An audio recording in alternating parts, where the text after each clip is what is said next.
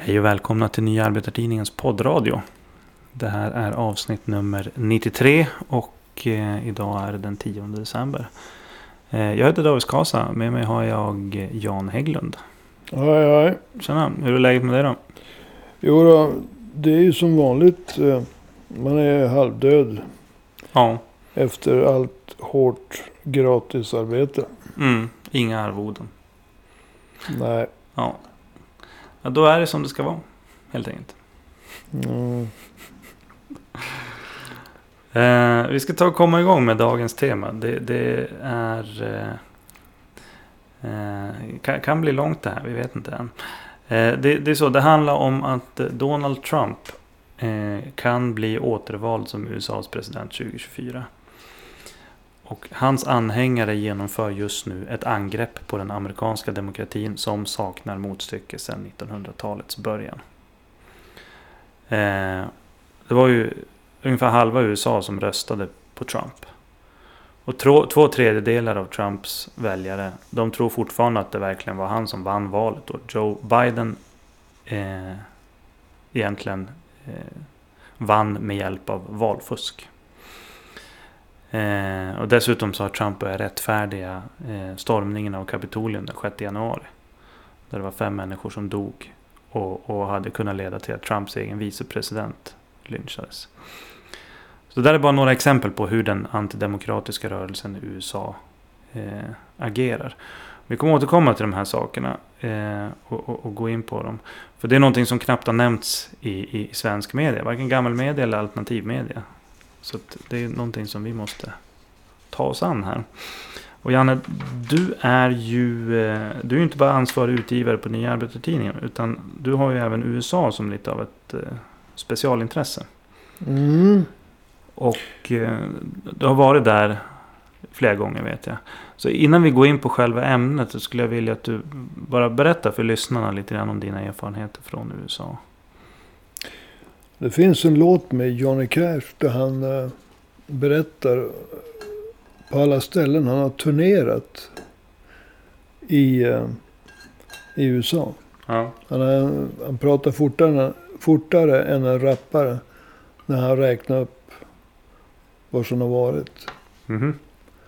Han är Jag tror inte jag har hört den. nej, nej, men Johnny Cash är kanske lite för gammal för dig. Va? Men eh, jag har ju den låten Mm. förstås. Och själv har jag varit i USA första gången 1987 i två månader. Andra gången 1990 två månader.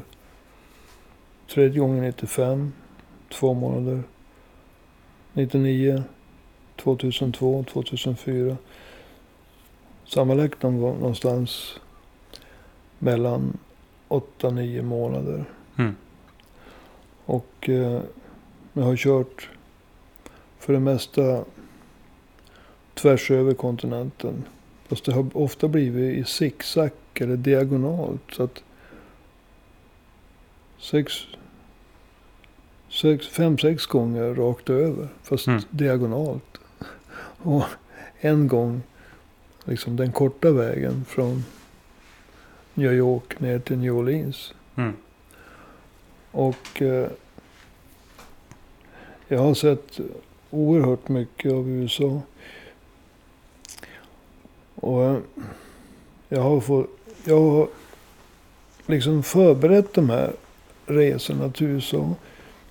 Jag skrev inför 1990 års resa över 30 brev till eh, olika liksom politiskt aktiva personer, fackligt aktiva personer, Mm. medborgarrättsrörelsen, sådana personer. Eh, Ett icke postat brev, för vi skulle inte fara via New England, Mm. var till Bernie Sanders. Mhm. Alltså jag hittade, det vart aldrig postat. Ja. Han var helt okänd då. Han var bara en obskyr socialistisk borgmästare i Vermont eller någonstans. Jag vet Mm. inte. I Burlington, Vermont. Burlington var det. Ja. Det står Burlington på kuvertet. Jag jag har inte postat det. Mm. Och det hade ju varit fantastiskt. Men eh, det var liksom en... Jag menar, vi var turister. Men det var en sorts politisk turism. Och jag har... Bland det, stå, bland det jag är mest stolt över det är att jag, jag har två brev från Coretta Scott King. Mm. Alltså änkan efter Martin Luther King. Och vi ville träffa henne, jag och min dåvarande sambo. Eh, Hon hade gärna träffat oss, men presidenten i USA hade bett henne att eh, vara på standby. För det, hon visste inte om vi kände till en, en typ från Sydafrika. Mm. Och han skulle eventuellt bli president i Sydafrika. Han hette Nelson Mandela. Och hon hade lovat presidenten att ställa upp när han Ja. kom. Och vi tyckte det var okej Helt okej. att hon prioriterade honom framför oss. Men Mm. alltså jag har två väldigt fina brev med hennes namnteckning. Mm. Och eh, jag har också haft nöjet att träffa Mrs Betty Shabazz. Och hon är alltså änka efter Malcolm X. Ja. Träffade he- he- henne på Medgar Edgars University i, eh, eh, vad heter det, Brooklyn. Mm. Och vi var de enda vita på många, många gator där. Alltså, överallt fanns det så här att taggar. Man målar med sprayburkar med citat från Malcolm Ja. X böcker och så vidare. Ja. Och ehm, när man har rest runt i USA då frågar de var man kommer. Och man säger man kommer från Sverige och de frågar oh, with a cuckoo watch.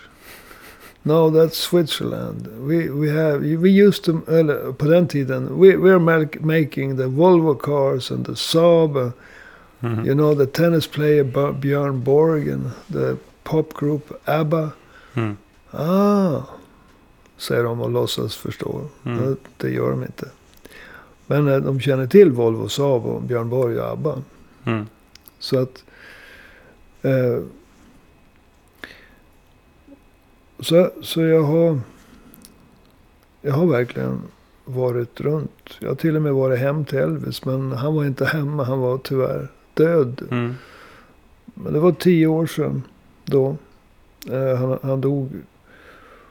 Så jag var i Memphis och besökte Graceland. Mm.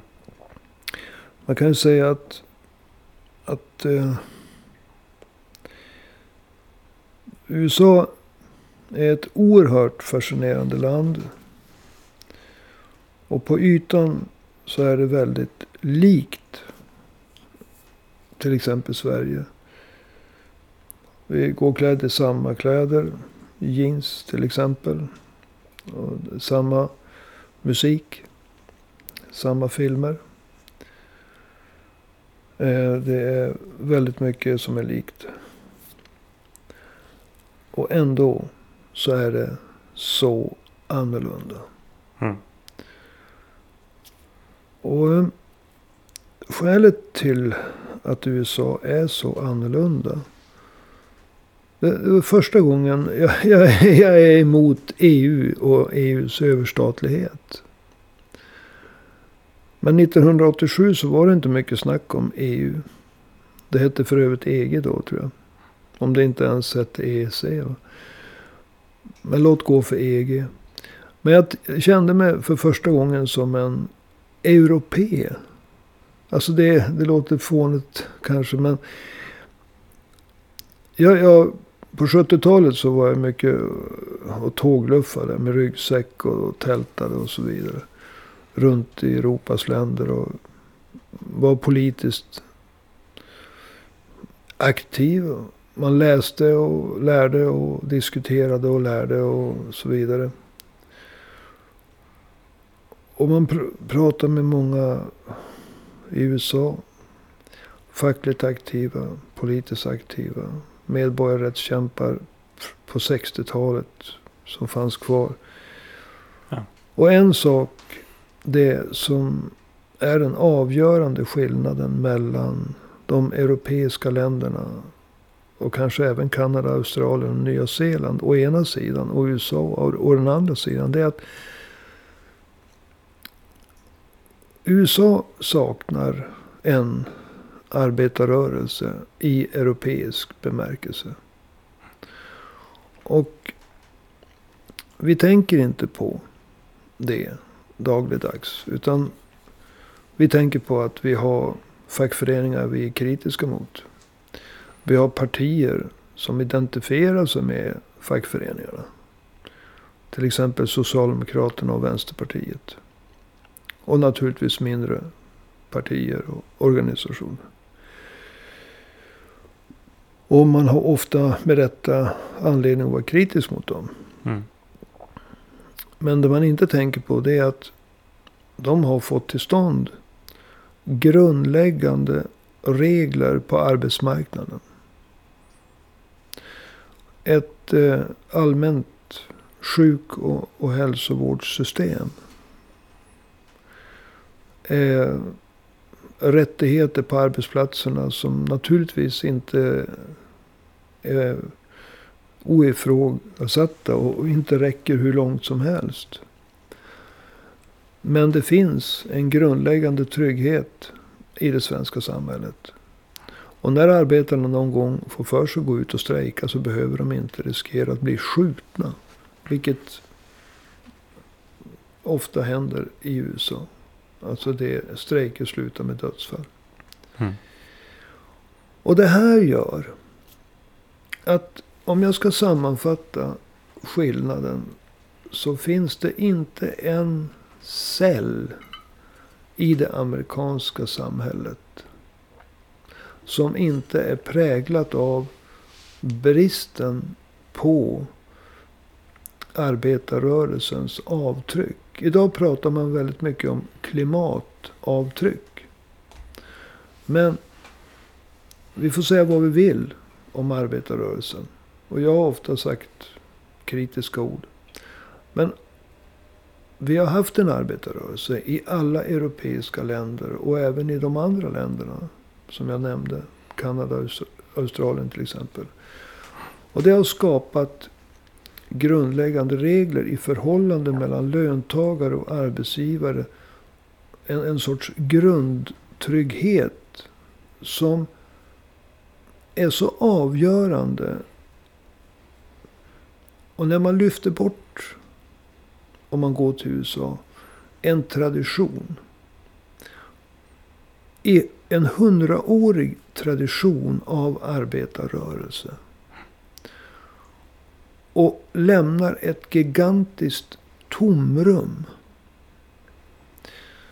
Då får man dels en väldig massa konstiga religiösa rörelser, sekter som fyller det där tomrummet. Jo.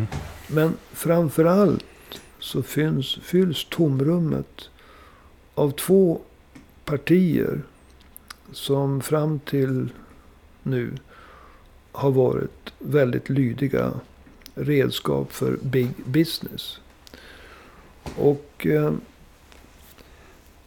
det har inte funnits något, någon eh, brett organiserad fackföreningsrörelse det var strax efter andra världskrigets slut som facket hade mest eh, medlemmar. Men idag så tror jag att det är under tvåsiffrigt anslutningsgrad. Jag tror det.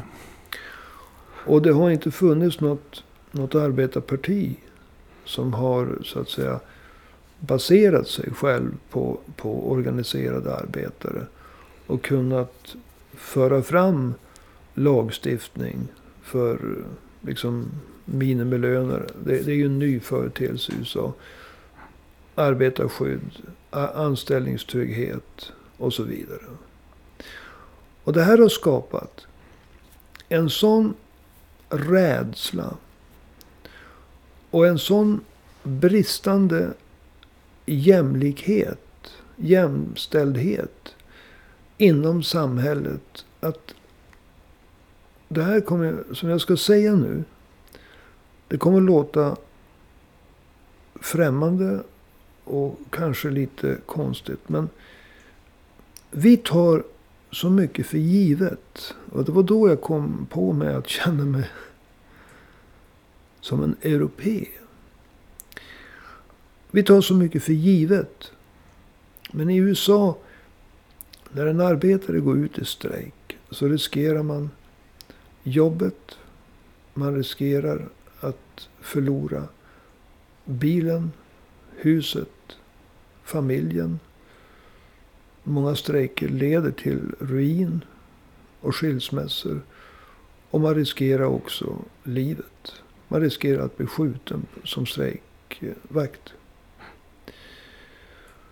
Men det här är extrema tillfällen. Men i vardagslivet, bristen på liksom anställningstrygghet. Det gör att de mellanmänskliga relationerna påverkas. Sitter man till exempel kring ett fikabord. Och det här är ju berättelser jag har hört från många håll. Mm. Och så är man så enig. Man pratar liksom om chefen. Och det är en buse, en boss. Och så vidare. Och man är enig om att man borde fortsätta den här diskussionen för att göra någonting. Nästa dag så kan den som kanske har varit mest drivande kallas upp till chefen. Och eh, då är det någon som har skvallrat. Och då hänger man löst. Alltså Donald Trump ville ju ha eh, patenträtt på uttrycket “You're fired”. Mm. I programmet The Apprentice. Så ja, sa han ju det. Men det, det, kunde han ju inte få. Därför att i USA är “You're fired” varje arbetsgivares rätt. Mm. Alltså, eh, ja, en, en, en, en amerikan som, eh, en engelsman. Han berättade att han tyckte att de mellanmänskliga relationerna påverkades av bristen på en arbetarrörelse. Alltså det var ju bristen på trygghet gör att även alltså kamratskap karar emellan. Och det gäller ju naturligtvis kvinnor emellan också. Det var det att han var kar och hans arbets... Han jobbade på en typisk manlig arbetsplats. Ja.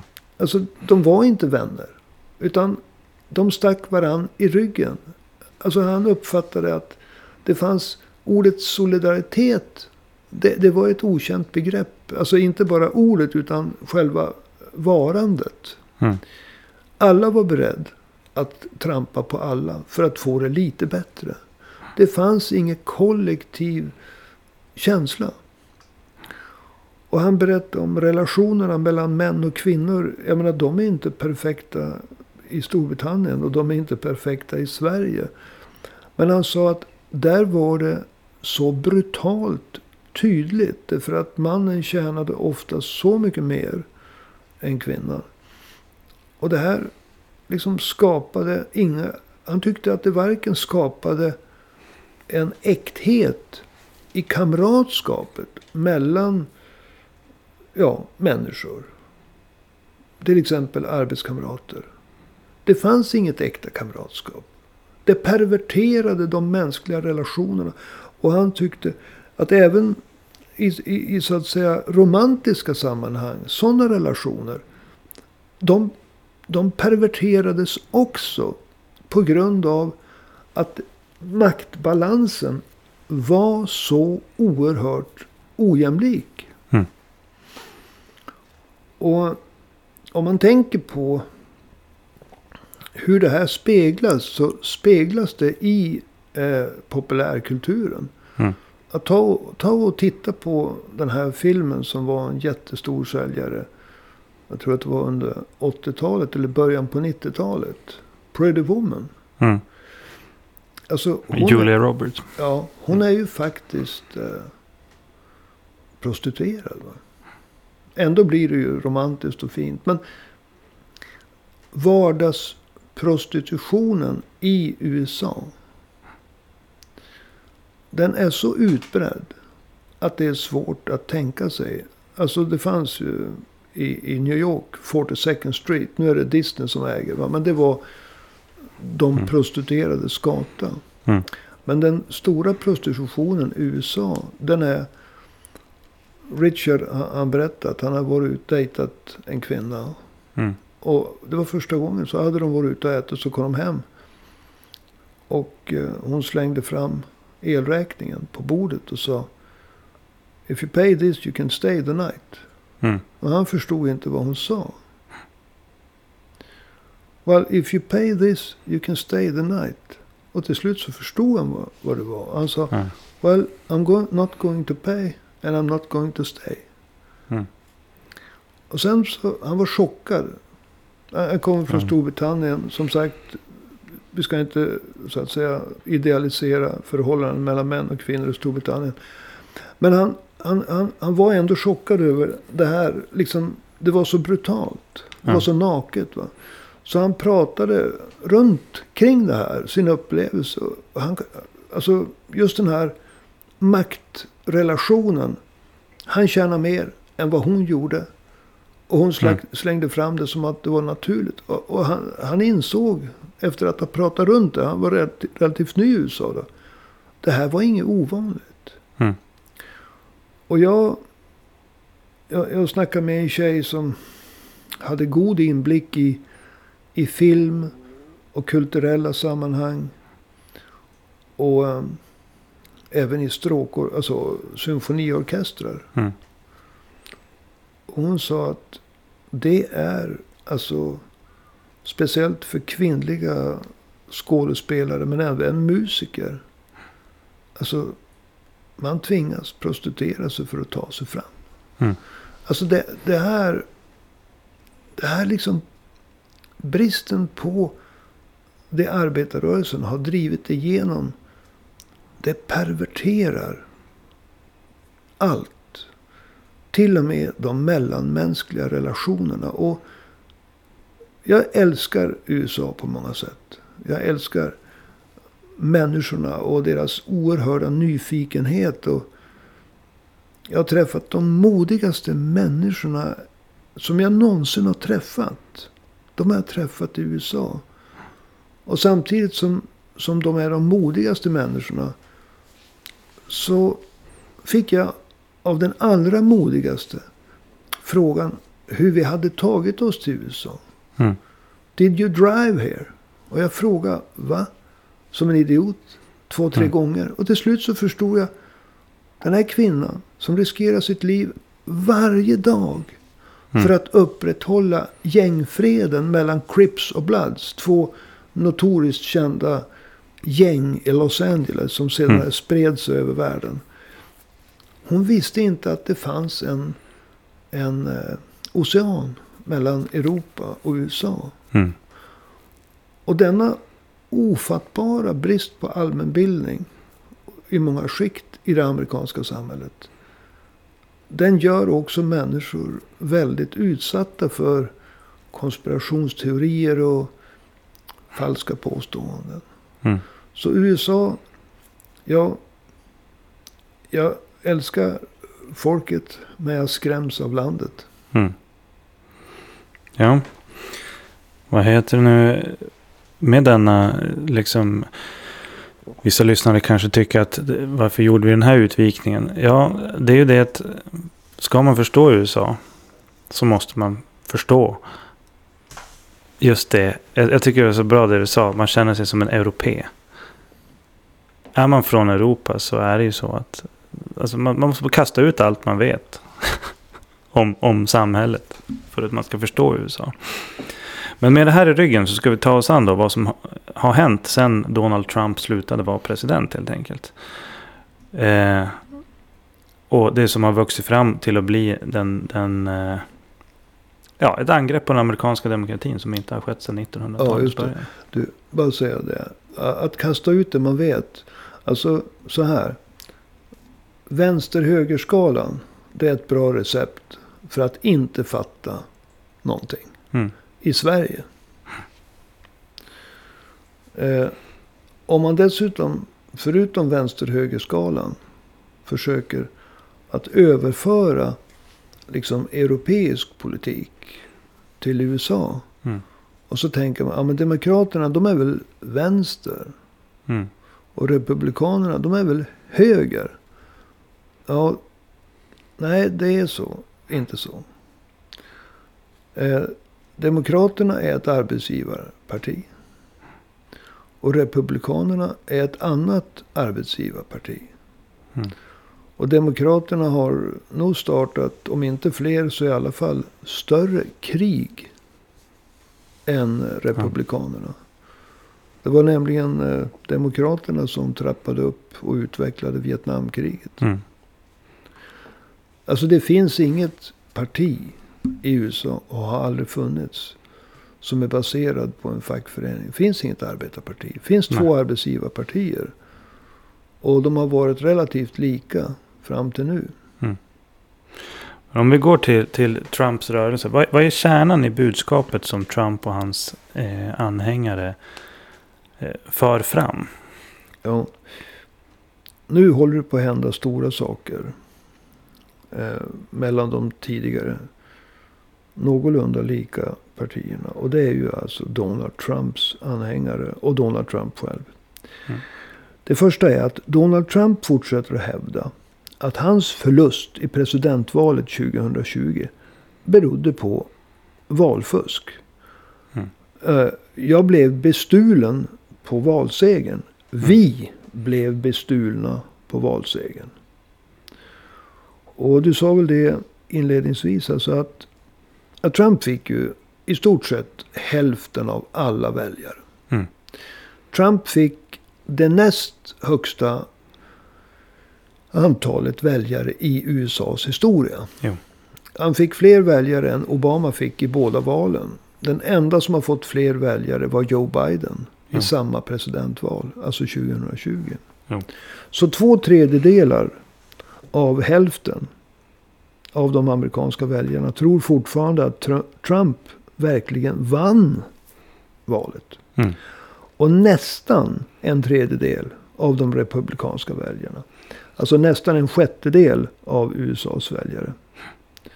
Håller med om påståendet att, eh, och det här är ett översatt citat. Amerikanska patrioter, ja, slutcitat.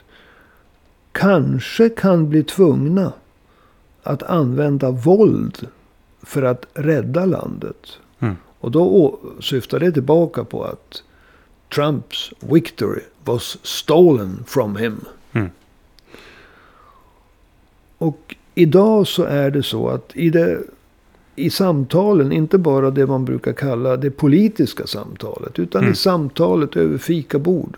Ja. Alltså i media, överallt. Mm. Så är det en ständigt återkommande påstående. Uppfattningen att Trump blev bestulen på valsegern. Mm.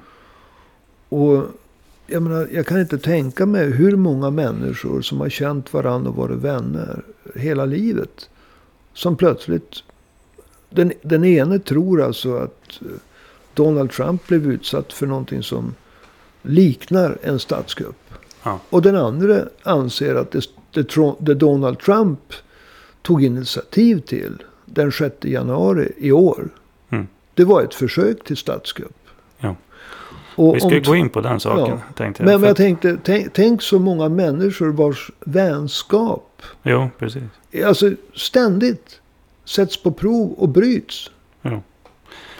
Alltså det, Eh. det, det, det, är helt uh, ofattbart. Och, och du, du sa också det här.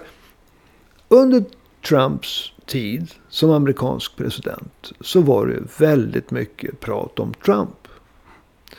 Och det, det, flest, det mesta av, av det hela det var klumpiga uttalanden. Sunkiga uttalanden. Mm. Men, men i slutändan så föll ju alla anklagelserna bort. Det var, om man tittar på det ur så att säga storpolitisk synpunkt, bagateller. Mm. Idag, när det håller på att hända någonting väldigt skrämmande. Så då är varken gammel traditionell media eller alternativ media verkar uppfatta att det håller på att hända någonting mycket, mycket värre. Ja. Nu när Trump inte är president. Jo, precis. Men det, det var ju just den här tron på, på den, den här stora längden om, om eh, valfusket. Det var ju vad som ledde fram till att det var en pöbel som, som bland annat framhetsad av Trump eh, stormade Kapitolium i Washington den 6 januari i år. Eh, och eh, Trump, efter, efter viss tvekan där, och så, så eh, tog han ju avstånd från den här stormningen. Eh, hur är hans uppfattning kring den saken idag? Ja, alltså från början verkade han ju inte ta avstånd. Men sen så var det uppenbarligen någon som talade förstånd med honom. Så han tog avstånd ifrån stormningen. Och det har ju Mm. varit hans officiella hållning under e- ett tag. Ja. Men nu har han ju med full kraft svängt tillbaka igen. Alltså, så efter att ha fördömt stormningen. Eh, alltså av eh, kanske taktiska skäl för att det var ju alltså Kapitolium, det är ju den amerikanska demokratins hjärta. Det är ju där eh, deras riksdag finns. Och de Mm. har ju en första kammare som heter senaten. De har en andra kammare som heter representanthuset. Det, det motsvarar mer vår riksdag i Sverige. Mm. Och tillsammans så heter senaten och representanthuset eh, kongressen. Mm. Och kongressen, den lagstiftande församlingen, eller de två lagstiftande församlingarna. De är alltså inrymda i Kapitolium. Mm. Det är den amerikanska demokratins hjärta.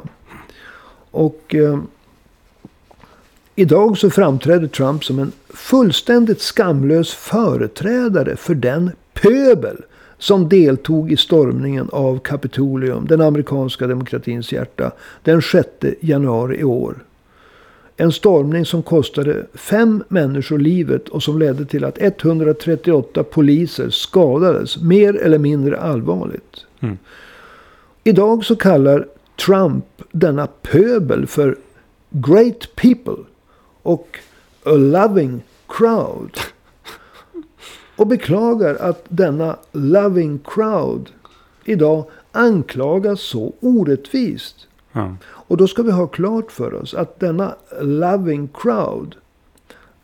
De, tack vare ett sms till dem från Donald Trump. Började skrika Häng Pence.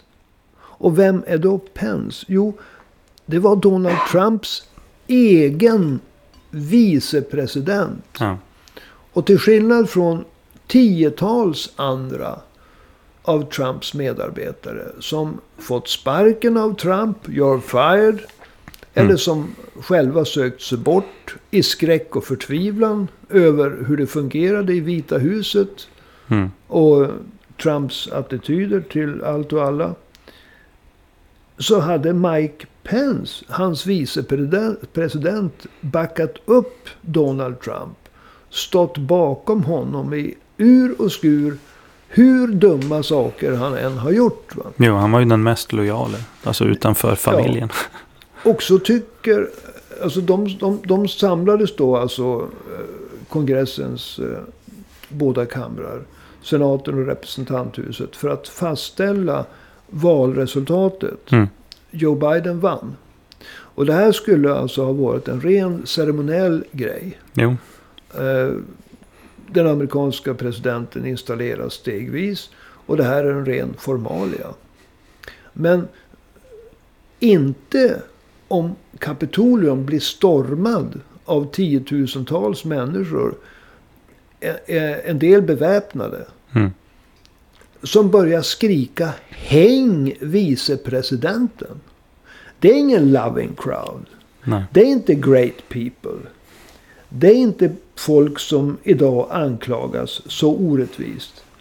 Utan det här är en pöbel som var beredd, en del av dem, att döda.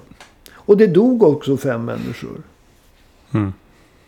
Och under stormningen av Kapitolium så försökte den här pöbeln till exempel bryta sig in i en korridor i Kapitolium. Därför att de här, det var ju ett antal 10 000 människor som stormade. Och de stormade alltså för att de uppfattade att den då fortfarande varande presidenten Mm. Donald Trump hade bett dem om det. Han hade Jo. ju dessutom sagt att I'm going to be with you. Jo, precis. Så de eh, uppfattar ju att de hade hans stöd. De hade hans beskydd. Mm. det var legitimt. Lagligt? Nej, kanske inte. Men legitimt. Ja. Ja. Eh, så när de bröt sig igenom poliskedjan och stormade in i Kapitolium. Då flydde ju, jag menar, tänk att de skrek häng Mike Pence. Häng vicepresidenten. Mm. Alltså senatorerna och eh, ledamöterna i representanthuset. De sprang ju för sina liv. De tog bland annat skydd i en korridor inne i Kapitolium. Mm. Eh, och de vaktades av eh, Secret Service eh, eh, personer. Va? Mm. Beväpnade. Vars, så att säga, och, och poliser. Vars eh, uppgift var ju att skydda USAs folkvalda från att bli lynchade. Mm. Därför här var det människor som var beredda att lyncha. Ja. Man ser ju på en bild, de har symboliskt rest en galge med en sån där klassisk eh, vilda västern snara. Ett rep som är flätat som en snara. Va? Och eh, eh, då ledde, vad heter det, en person i den här pöbeln, det var en kvinna, eh, genombrytningen av dörren som var det enda som stod mellan pöbeln och de folkvalda. Och i det läget så tvingades då, om det var någon från Secret Service eller om det var en polis, att skjuta den första som tog sig in Mm. genom det krossade fönstret. Det var en... Eh, det, det skulle väl, hade man hoppats vara en skottsäkert eh, glas. Men de, pöbeln slog sönder det. Mm. Och den här personen, det var en kvinna, hon försökte klättra in genom den där. Men hon var bara den första av hundra. Så de sköt Mm. skarpt. Därför att deras uppgift var alltså att skydda de folkvalda. Som ju är det levande elementet i den amerikanska demokratin. Jo. Och eh, hon dog. Hon var en av de fem. Och eh, idag då så hyllar Donald Trump den här kvinnan som en sorts martyr. Mm. Pöbelns martyr. Och han har spelat in en speciell video. Ja. Så för att sammanfatta vad som händer just nu idag. Så är det att the big lie. Att Donald Trump blev bestulen på valsegern. Att Joe Biden fuskade sig till valsegern. Mm. Den lever. Och till och med pöbelns våld den 6 januari. Då man stormade, eh, vad heter det, Kapitolium för att förhindra att valresultatet som alla instanser i USA och alla eh, internationella valbedömare har sagt var ett helt legitimt och korrekt och riktigt och lagligt valresultat. De stormade för att förhindra att Joe Biden blev eh, president. Mm. Vad Trump alltså försöker normalisera. Det är pöbelns våld den 6 januari. Alltså istället för att någon måste stå till svars för denna stormning som kostar fem människor livet. Som kunde ha kostat en massa människor livet, inklusive USAs vicepresident. Mm. Det försöker Donald Trump göra till någonting normalt. Eh, men att de eh, folkvalda, när de sammanträder för att fastställa ett val som enligt alla bedömare gick korrekt till. Där Joe Biden vann. Mm. Att de folkvalda, det slutar alltså med att de folkvalda tvingades fly för sina liv. Det är inte normalt. Nej. Det är inte normalt i USA, det är inte normalt i något land som kallar sig demokratiskt. Denna stormning försöker nu Trump normalisera. Ja. Och skapa en myt om att det här var patrioter som försökte rädda landet. Och det är därför uppåt en sjättedel av USAs befolkning tror att det kan vara nödvändigt att använda våld. Ja. Alltså pöbelns våld kanske var riktigt. Mm. Medan man tycker ju själv, jag tycker ju själv att Trumps roll. Han pratade på mötet som eldade upp de här. Hans son pratade på mötet. Mm. Och så hade, Rudy Giuliani var Ja, där också. Rudy, han var någon borgmästare va? i New York? Jo, Någonting. han har väl varit en sorts avdankad advokat åt Trump på sistone. Ja, just det. Men han var väl Han var borgmästare. borgmästare. Ja. Han pratade. Alltså de här tre borde ju sitta inne. Det är ju Mm. de som eh, så att säga eldade upp massorna. Mm. Alltså massorna var ganska uppeldade när de kom. Men det berodde ju på att Trump vid ett tidigare Ja, han hade ju hetsat på i, ända alltså i, i, i två månader. Då, Ja, men han hade ju liksom. som tagit initiativ alltså, till en samling den 6. Alltså att Jo, det överhuvudtaget precis. samlades folk den 6 januari. Jo. Det var ju Trump med Jo, precis. och, och tog initiativ till. Sen var han där och eldade massorna. Va? Eller massorna. Det, det, massorna, det kan vara bra folk. Det här Mm. var en pöbel. Jo, En mordisk pöbel. Inte alla, men en del. tillräckligt många.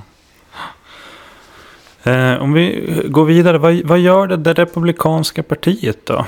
Alltså är de med Trump eller är det så att Trumps anhängare inom partiet agerar på något sätt?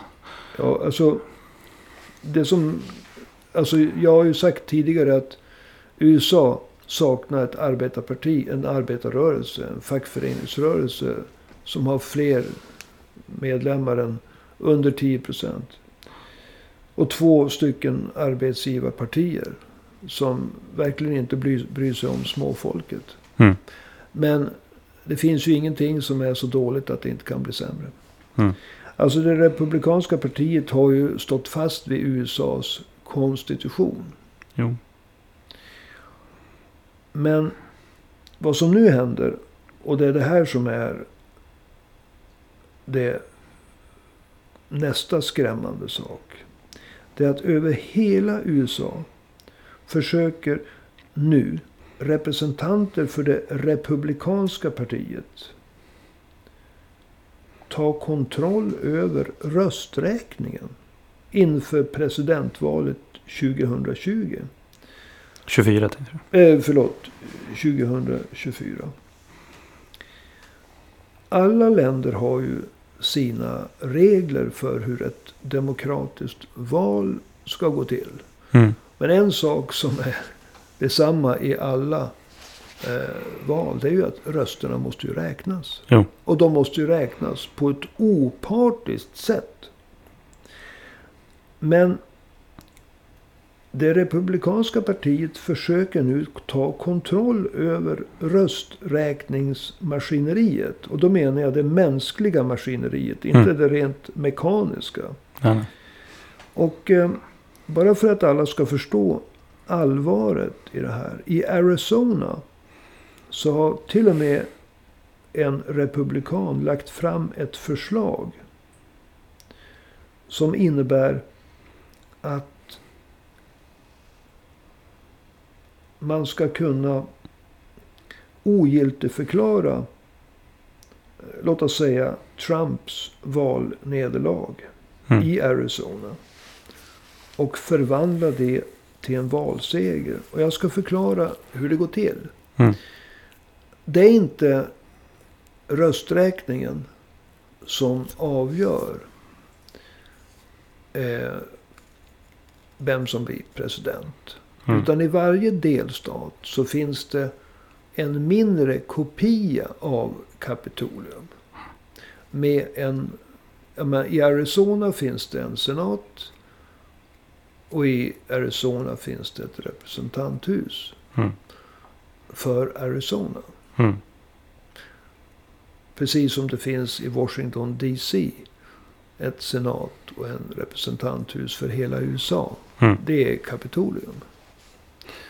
Det här lagförslaget gick ut på att om de som räknar rösterna kommer fram till att Joe Biden vann. Men låt oss säga att Republikanerna har eh, majoritet i eh, kongressen i Arizona. Då skulle alltså Republikanerna kunna säga att de... Eh, vad heter det? Delegat? Nej, det heter inte delegater. Elektorerna. Elektorer. Mm. som då, vilket brukar vara en ren formalitet. De elektorer som eh, Joe Biden vann, eftersom han vann valet i Arizona. Då ska ju de fara, för det går till så att presidenten väljs av elektorer. Så vinner han Arizona, då ska han få alla elektorer i Arizona. Mm. Och så är det i varje delstat med några undantag. Mm. Och så åker man till Washington DC. Och så röstar elektorerna på det sättet som valresultatet säger. Jo. En formalitet. Lagförslaget gick ut på att om väljarna gav Joe Biden alla elektorer och därmed också stödet Mm. för att bli president. Men Republikanerna har eh, majoritet i den, så att säga, kongressen i Arizona. Mm. Då skulle Republikanerna kunna utse alternativa elektorer. Mm. Som åker till Washington DC. Och röstar på Donald Trump. Mm. Och därmed ogiltigförklarar i praktiken valresultatet. Ja. Så att om väljarna säger Joe Biden vann. Så skulle alltså de republikanska lagstiftarna. Alltså i kongressen Mm. i Arizona. Skulle kunna säga. Ja, vi struntar i. Mm. Nej, det gjorde säger. han inte. Ja, vi, vi struntar i det. Vi Mm. utser elektorer som kommer att rösta på. Som om Trump hade vunnit valet i Mm. Arizona. Det vill säga man kan förkasta väljarna. Mm. Som icke tillräkneliga. Nu var det så att det här valresultatet. Nej, det, det här lagförslaget. Det röstades ner Mm. det är inte, läget är inte moget än. För att på ett så flagrant sätt åsidosätta folkviljan. Nej. Men bara det faktum att en republikansk politiker lägger fram ett sånt valförslag, ett sånt förslag. Jo. Som alltså innebär att omyndigförklara den amerikanska väljarkåren i en hel delstat. Jo. Och vi ska återkomma till det. Därför att det här är alltså ett lagförslag som återkommer. Jag kan också säga att Republikanerna och andra har lagt fram 216 förslag i 41 av USAs 50 delstater. Som alla drar åt ett enda håll. Och det är att ersätta neutrala valfunktionärer med valfunktionärer som står under det republikanska partiets kontroll. Mm. Och det här är alltså en av Donald Trumps eh, tidigare medarbetare. Han fick också sparken. Steve Bannon. Eh, men han är tydligen tagen till nåder igen av Donald Trump. Mm. Han har sagt till det republikanska partiet. Ta kontroll över eh, valmaskineriet. Mm. Valdistrikt eh, för valdistrikt. Mm. Constituency for constituency. Vad har de fått igenom det där i några delstater? Eller, eller några av de här lagförslagen? Ja, alltså av de här 216 lagförslagen så har 24 stycken röstats igenom och blivit lag. Mm. Och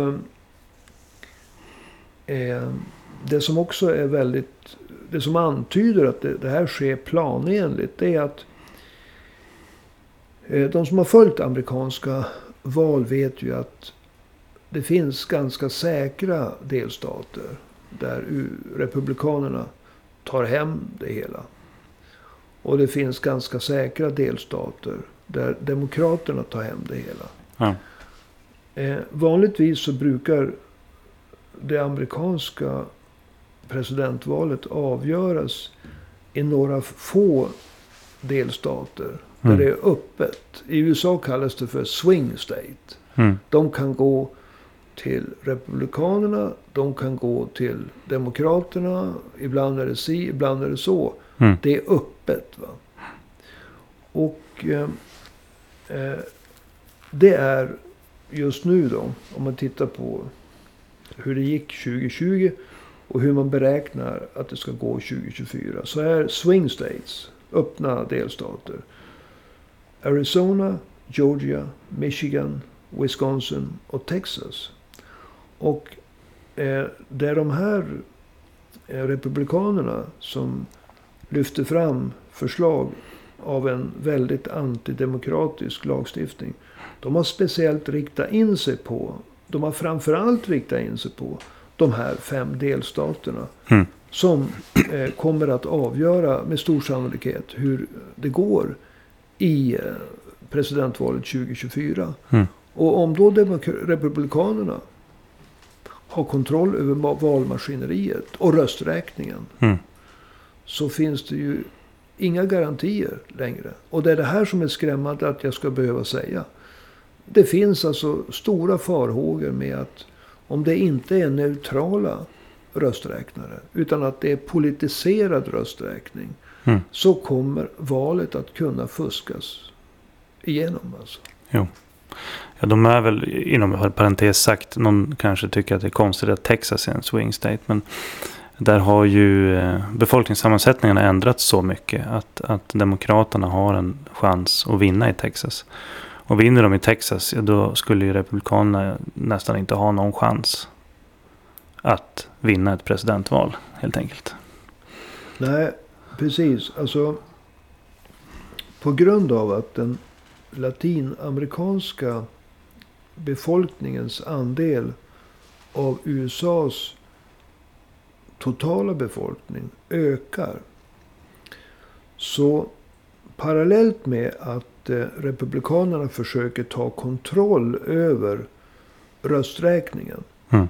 Och, och eh, ännu mer, alltså det här att kunna åsidosätta ett valresultat. Ja. Genom att utse alternativa elektorer.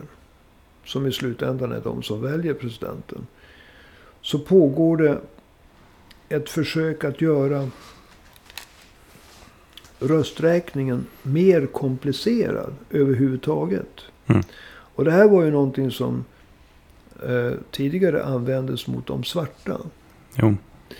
Därför att ju mer komplicerat, alltså USA röstar ju inte på en helgdag.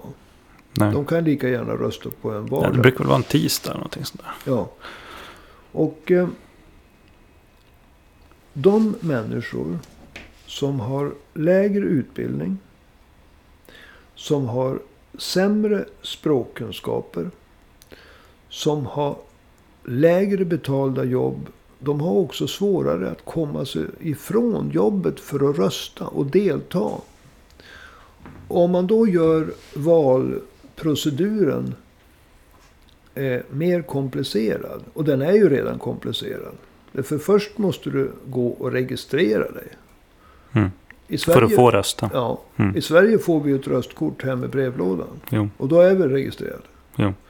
Men i USA måste man som gå två gånger.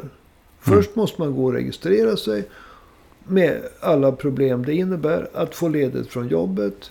Mm. Att förstå hur man gör. Och så vidare. Och sen så ska man rösta. Ska man ha ledigt från jobbet. Man ska förstå hur man gör. Mm. Alla dessa latinos. Eh, har eh, generellt sett alltså. Mm. Inte alla men. Många av latinos. Alltså de som kommer från Mexiko och Latinamerika i övrigt. Mm. De har ju alltså sämre språkkunskaper. De har sämre utbildning generellt sett.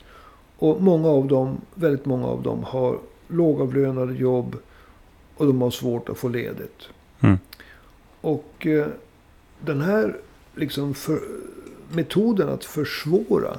Det är ju ett sätt att neutralisera den förändrade befolkningssammansättningen i USA. Mm. Om man tar Texas. När, när jag var i, El Paso, en, en eh, stad som ligger exakt på gränsen till Mm. Mexiko.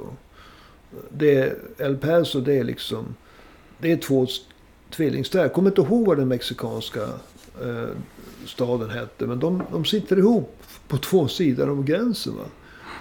Och jag minns vi åkte runt på en sightseeing där. Jag tror den heter typ Juarez eller någonting sånt där. Det kanske Jag är inte säker. jag är Inte säker. Ja.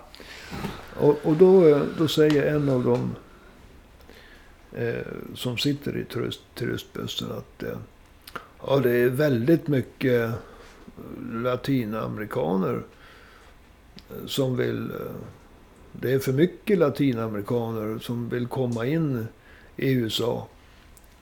Och, ja, och det har ju att göra med om det är lagligt eller inte. Och då säger turguiden då, som uppenbarligen har latinamerikansk påbrå.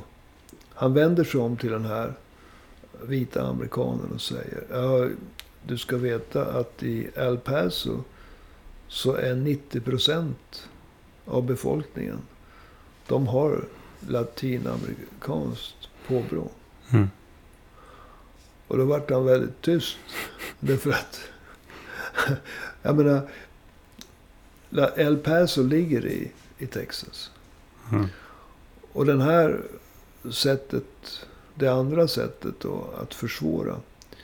För eh, de, det är många eh, som har latinamerikanskt påbrå som röstar på Demokraterna. Och det är ett av hoten mot Republikanerna Mm. i Texas. Alltså, det är de som är måltavlan för, för att försvåra. När det Jo. gäller att rösta överhuvudtaget. Så jag, jag repeterar, det är två trender. Försvåra röstning överhuvudtaget. Det kommer att drabba eh, de som har sämst utbildning, sämst språkkunskaper, sämsta jobben. När det gäller att få ledigt för att utnyttja sina medborgerliga rättigheter. Mm. Och det andra är att ta över kontrollen över rösträttningen. Och det finns så många tecken på att det gör man inte bara för att det är kul och vill tjäna pengar. Nej, Det nej. gör man för man kanske får en slant för att man sitter och räknar röster. Det gör man för att kunna påverka rösträkningen. Jo, precis. Och vi vet ju alla vad Donald Trump gjorde när det gäller Florida. Donald Trump, nej Georgia. Mm. Jo, han försökte. Han ringde ju någon och försökte få ut vad var det? 12 000 Donald röster. Trump förlorade Georgia. Så ringde han till den republikan som var högst ansvarig för valets eh, äkthet Mm. i eh, Georgia. Och det finns ju inspelat på band när Jo. USAs president försöker tvinga en partikollega inom Republikanerna att hitta, eh, jag tror att det var Och 11, Typ 12, ja, strax under 12 000. ja, 11 741 röst. En röst mer än vad Demokraterna vann med. Jo. Alltså, det var ett direkt försök att korrumpera den republikan som trots alltså en timmes försök av en mer och mer irriterad Trump Mm. vägrade att hitta Jo. 11 Ja, 000. Trump påstod väl typ att Ja men vadå, du kan väl ta dem från de där rösterna.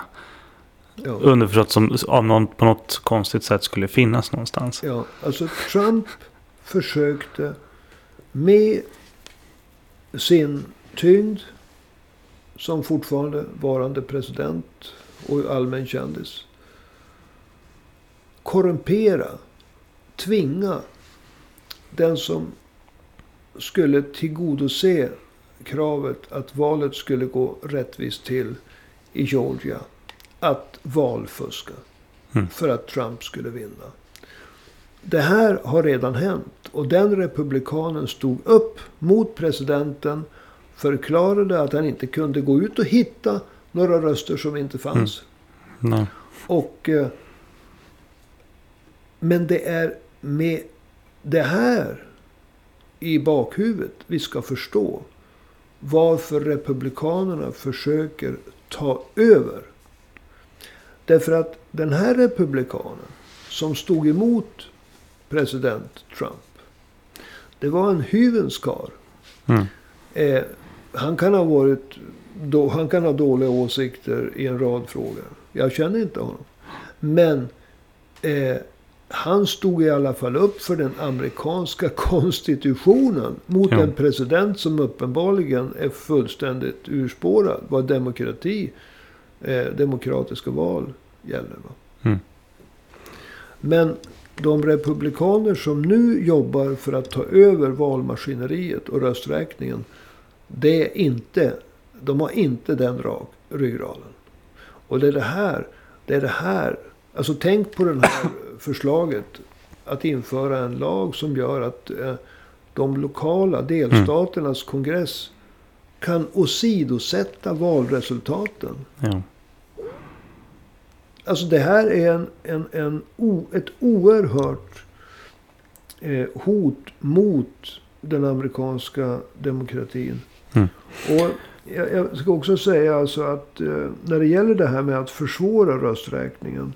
Eh, försvåra valdeltagandet. Så bara under de sex första månaderna i år så har minst 30 nya lagar antagits i 18 av USAs 50 delstater. Som drar just åt det här hållet. Att försva- försvåra valdeltagande. Du, eh, vi ska röra oss vidare här. Inledningsvis så sa du att det var nästan en tredjedel av de republikanska väljarna som håller med om eh, påståendet att eh, citat, amerikanska patrioter, slutcitat, kanske kan bli tvungna att använda våld för att rädda landet. Eh, finns det några tecken på att de har börjat använda våld? Ja. Alltså. Det är framförallt hot. Hot om våld. Ja. Alltså i USA finns det ju naturligtvis en oerhört massa modiga representanter för båda partierna. Demokrater och republikaner. Det finns en massa icke-politiskt tillsatta tjänstemän. Mm. Som är involverade i, en, i ett val. Där man eh, som, ut, som, som man eh, i femte delstater, Washington DC och några övriga distrikt. Och man väljer ju inte bara president, man väljer ju eh, Ja, Det är ju guvernörer och... ja, guvernörer, en tredjedel av senaten, hela representanthuset Mm. och så vidare och så vidare. Man väljer sheriffer, man väljer domare, man väljer Mm. allmänna åklagare. Alltså det är en ofantligt stor val. Och sen är det 330 miljoner.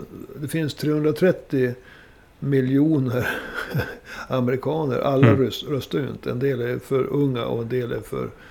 Ja, en del har inte medborgarskap. Mm. Men det finns väldigt många som är involverade i valet.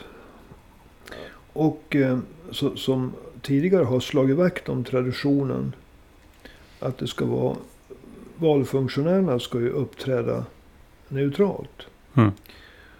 Och garantera att rösträkningen sker på ett demokratiskt sätt. Mm. Men sen Donald Trump förlorade valet i november 2020. Så har de här personerna i ökad utsträckning utsatts för både våldsamma och ihållande trakasserier. Med hot om våld. Det var en som lämnade sin position efter att ha blivit eh, mordhotad tre gånger på samma dag. Mm. Alltså det finns hur många exempel som helst. Eh, på människor som har blivit mer eller mindre hotade. Eh, alltså det var ju en som berättade att eh, i ett av hoten så ingick namnen på hennes två barn. Mm. Alltså de som hotar har alltså gjort sig bes- besväret av att kartlägga, jag tror att det var en kvinna, hennes liv. Jo. Ta reda på vad hennes barn heter. Och när du läser hot mot dig själv, men också mot dina barn, vars namn nämns. Alltså Ja. då får du ju en vision av att de här människorna, de står utanför din dörr med kameror. De följer efter dig när du far till skolan och lämnar dina barn på dagis eller Mm. kindergarten, som det heter i USA. Eh, jag vet ju inte hur gamla hennes barn var, men alltså de har ju uppenbarligen kartlagt hennes familj. Mm. Alltså, folk pallar ju inte med det hela. Nej. De pallar Speciellt inte. inte ett land med så mycket vapen Nej. som USA också. Det var en annan som hade blivit, när hon kom till jobbet, hade blivit jagad av en, av en kar. Det var en kvinna också. Hade blivit jagad av en kar. På grund av att hon hade stått upp för en eh, oberoende, opartisk, eh, alltså principer. eh, Mm. Mot försök att förändra. Och, och, och det hade gjort henne till en måltavla för de republikanska alltså pöbelfasoner som, som, som, eller som republikanerna frammanar. Inte alla, men eh, väldigt många. Frammanar den här pöbelfasonerna, inte bara nu alltså i stormningen i Kapitolium, utan det är pöbelfasoner. Alltså normaliseringen av det som hände vid Kapitolium. Det gör ju att pöbelfasonerna används mot de personer som ska garantera alltså, att valet går demokratiskt till. Pöbelfasonerna används i ökande utsträckning mot de som kan garantera att ett demokratiskt val i USA där rösträkningen är opartisk, där rätt person utses som vinnare, den ifrågasätts. Med Mm. hjälp av både lagstiftning, försök till odemokratisk lagstiftning, men också med hot om våld och i vissa fall våld. Mm. Vi ska ta och börja avrunda här. Men, men eh, alltså, om vi, om vi avslutar med den, den fråga man kan ställa sig. Alltså, tror du att USA befinner sig på ett allt mer sluttande plan? Eh, när det gäller demokratiska fri och rättigheter? Eller kan Ja. du se några motverkande positiva krafter? Ja, alltså om vi tittar på det som utspelar sig i Washington, DC. Mm. Alltså det finns ju en delstat som heter Washington på västkusten och så finns det Washington DC. Och det Mm. betyder District of Columbia. Det är för att själva alltså Kapitolium och Vita huset ska inte ligga i en enskild delstat. Mm. Men tittar vi på vad som utspelas i Washington DC. Där presidenten befinner sig i Vita huset. Där kongressen, dess båda kamrar, senaten och representanthuset har sina möten i Kapitolium. Mm. Där ser man inte att detta väldiga hot, det största hotet mot den amerikanska demokratin sedan början på 1900-talet. Alltså sen alltså 1800-talet blev 1900-talet. Mm. Det här är alltså den, den, den kanske allvarligaste hotet mot USAs demokrati på över hundra år alltså. Mm. Det finns inga tecken till att vare sig det demokratiska partiet, som ju ständigt attackerade Donald Trump Mm. under hans tid som president. Och eh, inte direkt uppträdde schysst. Eh, jag, jag- jag, vill betona alltså att jag har ingen sympati i allmänna ordalag för den politik som Demokraterna står för. Historiskt sett. Eh, och jag har ingen sympati för Republikanerna historiskt sett. Det finns skillnader. Jag skulle vilja nämna två. Obama försökte trots allt få igenom en allmän hälso och sjukvårdsförsäkring. Alltså som skulle ha betytt väldigt mycket för 40 miljoner amerikaner som står utanför systemet. Och Demokraterna står också upp för aborträtten. Mm. Och, och det är ju en skillnad. Men i det historiskt långa sammanhanget så är det väldigt liten skillnad på demokrater och republikaner. Mm. Och det finns inga alarmsignaler. Det finns, inget som, det finns ingen upprörd debatt. Det finns inga alarmklockor. Det finns ingen herregud vad håller på att hända? Det här är ju ett hot mot demokratin. Och inte heller bland de neutrala som inte har med politiken att göra. Men som ändå är så att säga oväldiga, opartiska tjänstemän. Eh, det, det, är inte, inte heller där. Och det verkar inte heller som den amerikanska media har, har fattat vidden av det som händer. Det är som att, ja men nu fick vi bort Trump. Nu har vi Biden. Ja men han är inte så bra. Men liksom själva hotet. Mm. Alltså, och, och, det har blivit ännu större därför att Joe Biden har till stor del misslyckats som president. Jo. Och det kan bli nu alltså nästa år bara när det, det kallas midterm elections. Alltså mellanårsvalen. Mm. Eh, då väljer man ju ett helt nytt representanthus. Jo. Och man väljer en tredjedel av senaten.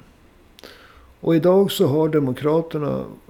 De har väl både eh, representanthuset och senaten. Va? Ja, jag tror det. De kan förlora majoriteten i båda mm. nästa år. Och då blir Joe Biden en så kallad sit, sitting duck, eller lame duck. Mm. Lame duck. Han kommer inte kunna få igenom ett förslag. Nej. Det borde vara alltså fullständig alarm. Men det, det finns ingenting. Mm. Så definitivt, tittar vi bara på det som händer inom det politiska systemet, inom det politiska skiktet. Så, så är USA på ett sluttande plan på ett sätt som vi inte kan Mm. Det, det, finns ingen motsvarighet. Ja. Eh, tittar vi utanför det, det, politiska systemet så, så rör det ju på sig. Va? Eh, det är fler strejker i USA idag än under de senaste 40 åren. Alltså det är fler strejker i USA idag än sen slutet på 70-talet. Mm. Och bara i oktober i år så var det 100 000 anställda som antingen gick ut i strejk eller hotade att gå ut i strejk. Och några exempel är de som tillverkar sådana här John Deere. Eh, traktorer? Ja, det är små traktorer som folk, små och stora. De kör omkring och klipper gräsmattorna. De är väldigt populärt att köra mm. John Jag tror att de tillverkar till och med jordbruksmaskiner. Alltså ja, sådana här riktigt de, stora de, de, eh, skördeträskor och grejer. de tillverkar grejer. Ja. ja. Eh, vi har gruvarbetare i Alabama. Vi har, eh, och det här är ju ett hot mot eh, stora delar av samhället. Whiskybryggarna i Kentucky. Jag vet inte om det är Jack Daniels eller... Nej, det var något annat bolag. Det var Men ja. whiskybryggeriarbetare i Kentucky strejkar. Och en av de hårdaste strejkerna det är de som tillverkar Kelloggs frukostflingor. Och de har gått ut, gått ut i strejk i, i flera delstater. Så att eh, det finns en växan, ett växande självförtroende uppenbarligen hos många anställda i USA. Trots en låg facklig trygg, alltså trots dåliga trygghetssystem. Trots att man kan bli you're fired. Mm. Trots att man riskerar så mycket. Men det finns samtidigt en viss arbetskraftsbrist i USA. Mm. Och det gör att man känner, vi har förlorat, förlorat, förlorat. Nu har vi en chans att mm. ta igen. Och ibland är det ju också så att fackföreningar som vars enda roll är att vara ett försäkringsbolag och hålla tillbaka strejker. Mm. Ja, en del fackföreningar i USA de är faktiskt för strejker. Även om de är svaga. Därför att strejken kan också innebära inte bara framgångar för löntagarna. Få högre lön, bättre arbetsvillkor. De kan också innebära att facket stärker sin ställning. Ja. Kommer in på arbetsplatser där de inte har funnits. För det är väldigt svårt att komma in på arbetsplatser i USA för facket. Ja. Och på, på, på, arbetsplatser där man finns men är svag. Mm. Så kan man stärka sig under en strejk. Mm. Och därför så kan de amerikanska fackföreningarna vara nog så kampdugliga när det väl finns en situation. Va? Jo. Men. De har ju för övrigt, bara om jag får inflika, eh, apropå att komma in på arbetsplatser. Det var ju bara eh, häromdagen som eh, facket för första gången har lyckats organisera folk hos Starbucks. De här kafferestaurangerna. Mm. Unga, unga killar och tjejer som Ja. ser det som ett genomgångsyrke. Och, och där brukar det vara extra svårt att Jo. eh, organisera. Jo. Och det är ju en fantastisk framgång. Ja, verkligen. Jag vet ju hur det är för fackliga... Eh, de, de heter faktiskt business agents. De, de fackliga organisatörerna heter business agents. Mm. Åtminstone i eh, eh, United Food and Commercial Workers som jag har bra kontakt med. Ja, just det. Men du, jag avbröt dig. Du ska få säga några final words Ja. här apropå den. Eh, nej men det är svårt. För de får nästan smyga sig in. Mm. Och försöka prata i tysthet då med, med de anställda. Som eh, liksom måste, de måste som låtsas vara kund va. Mm. För att kunna värva. Och eh, en och en av de som kanske vill gå med i facket. De är rädda för att förlora jobbet. Mm. Men det här, det här de, de som går ut i strejk i USA. De sätter väldigt mycket på spel. De är väldigt modiga. Det är den andra sidan. Det är fantastiska människor som står upp. Och då uppstår den här solidariteten. Jag har, jag var nere i Baton Rouge och träffade en grupp arbetare som hade varit lockoutade i fem och ett halvt år. Mm. Och de vann. De jobbade i en kemisk fabrik. Mm. I fem och ett halvt år. Och det växte ju fram en solidaritet mellan löntagarna som vi knappast kan förstå å andra sidan i Sverige. Mm. Under en fem, fem och ett halvt år. Så att... Och de vann. Det är så jag får tårar i ögonen. Men problemet det är att de här strejkerna, de är ju inte koordinerade. Va? Nej. Utan vad som i slutänden krävs. Det är att fackföreningarna och den här strejkvågen knyts till ett nytt parti. Och det är det som... Jag har träffat så många beundransvärda människor. Jag träffade bland annat han som var ledare för Oil Chemical and Atomic Workers Union. En person som påverkade mig väldigt mycket. Mm. Och som påverkar mig än idag. Fast jag träffade honom 1990. Mm. Han heter Tony Mazzocchi. Anthony Mazzocchi. Legendarisk eh, fackföreningsledare i USA. Men inte ens han vågade bryta med det demokratiska partiet. Mm. Han hade något som heter Labour Party Advocates. Alltså han, han, han la en grund för ett arbetarparti. Men i den sista instansen så vågade han inte utropa det nya partiet. Därför att bryta med republikanerna, nej demokraterna. Demokrat. För facket har bättre kontakter med demokraterna. Det är på något sätt att korsa Rubicon. Mm. Det betyder då bränner man alla broar till det etablerade samhället. Och det är farligt. Mm. Men ska de här striderna bli någonting mer än isolerade hjältemodiga strider där man får bättre lön, där man får bättre arbetsvillkor. Förbättringar som tyvärr kan tas tillbaka nästa år. Så måste någon ta steget att bryta med demokraterna och bilda ett nytt arbetarparti. Och då kommer de, om de gör det, inte bara att få demokraternas väljare. De kommer att få republikanska väljare också. Jo. För det finns arbetare i båda. De, det finns arbetare som röstar både på demokraterna och republikanerna. Mm. Så det är det steget som måste tas. Och Bernie Sanders med sitt väldiga stöd. Alltså 2016 så visar ju... eh, Då, då förlorade ju Hillary- Hillary Clinton mot eh, Donald Trump. Mm. Och då visar ju undersökningar att om det hade varit Bernie Sanders som hade vunnit eh, Republikanernas nominering och inte Demokratiskt. Demokraternas eh, nominering och inte Hillary Clinton. Då hade Bernie Sanders haft en större möjlighet att vinna, Mm. va, vinna mot eh, Donald Trump. Jo. Han plockade ju just väljare från Republikanerna. Ja, Medan Trump han hade republikanska, Clinton hade demokratiska väljare. Så hade Sanders liksom. både och. Ja. Därför att han, han slog an till alla knegare. Jo.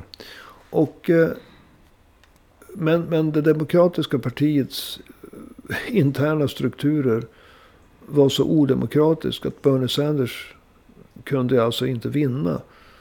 Och jag ska inte gå in på hu- hur. Mm. Men eh, det finns ett nyckelord. Superdelegates. Precis. Och eh, vi låter det vara.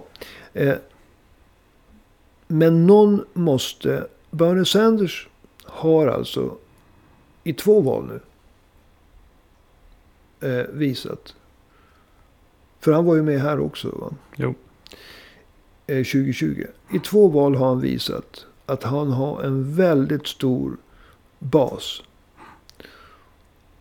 Och han har chansen att så att säga vända sig till en mer optimistisk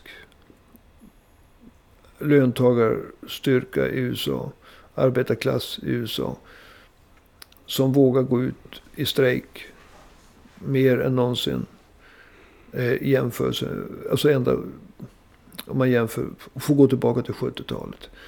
Och knyta ihop det här med en ny politisk rörelse. Mm. Bernie Sanders har den historiska chansen. Men än så länge har också han tvekat att ta det avgörande steget. Bränna broarna, passera Rubicon och utropa ett nytt arbetarparti. Men det är vad som behövs.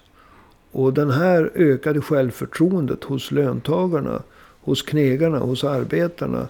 Den här strejkvågen visar att det finns ju en möjlighet. För jag är övertygad om att när man går ut i strejk, när man får batongen i huvudet och så vidare. Då spelar det ingen roll om man är republikan eller demokrat. Nej, nej. Då är man knegare. Och utropar då Bernie Sanders ett parti för knegarna. Så kommer de att hämta väljare både från de, de, Demokraterna och Republikanerna. Även om Demokraterna kommer att skrika högst.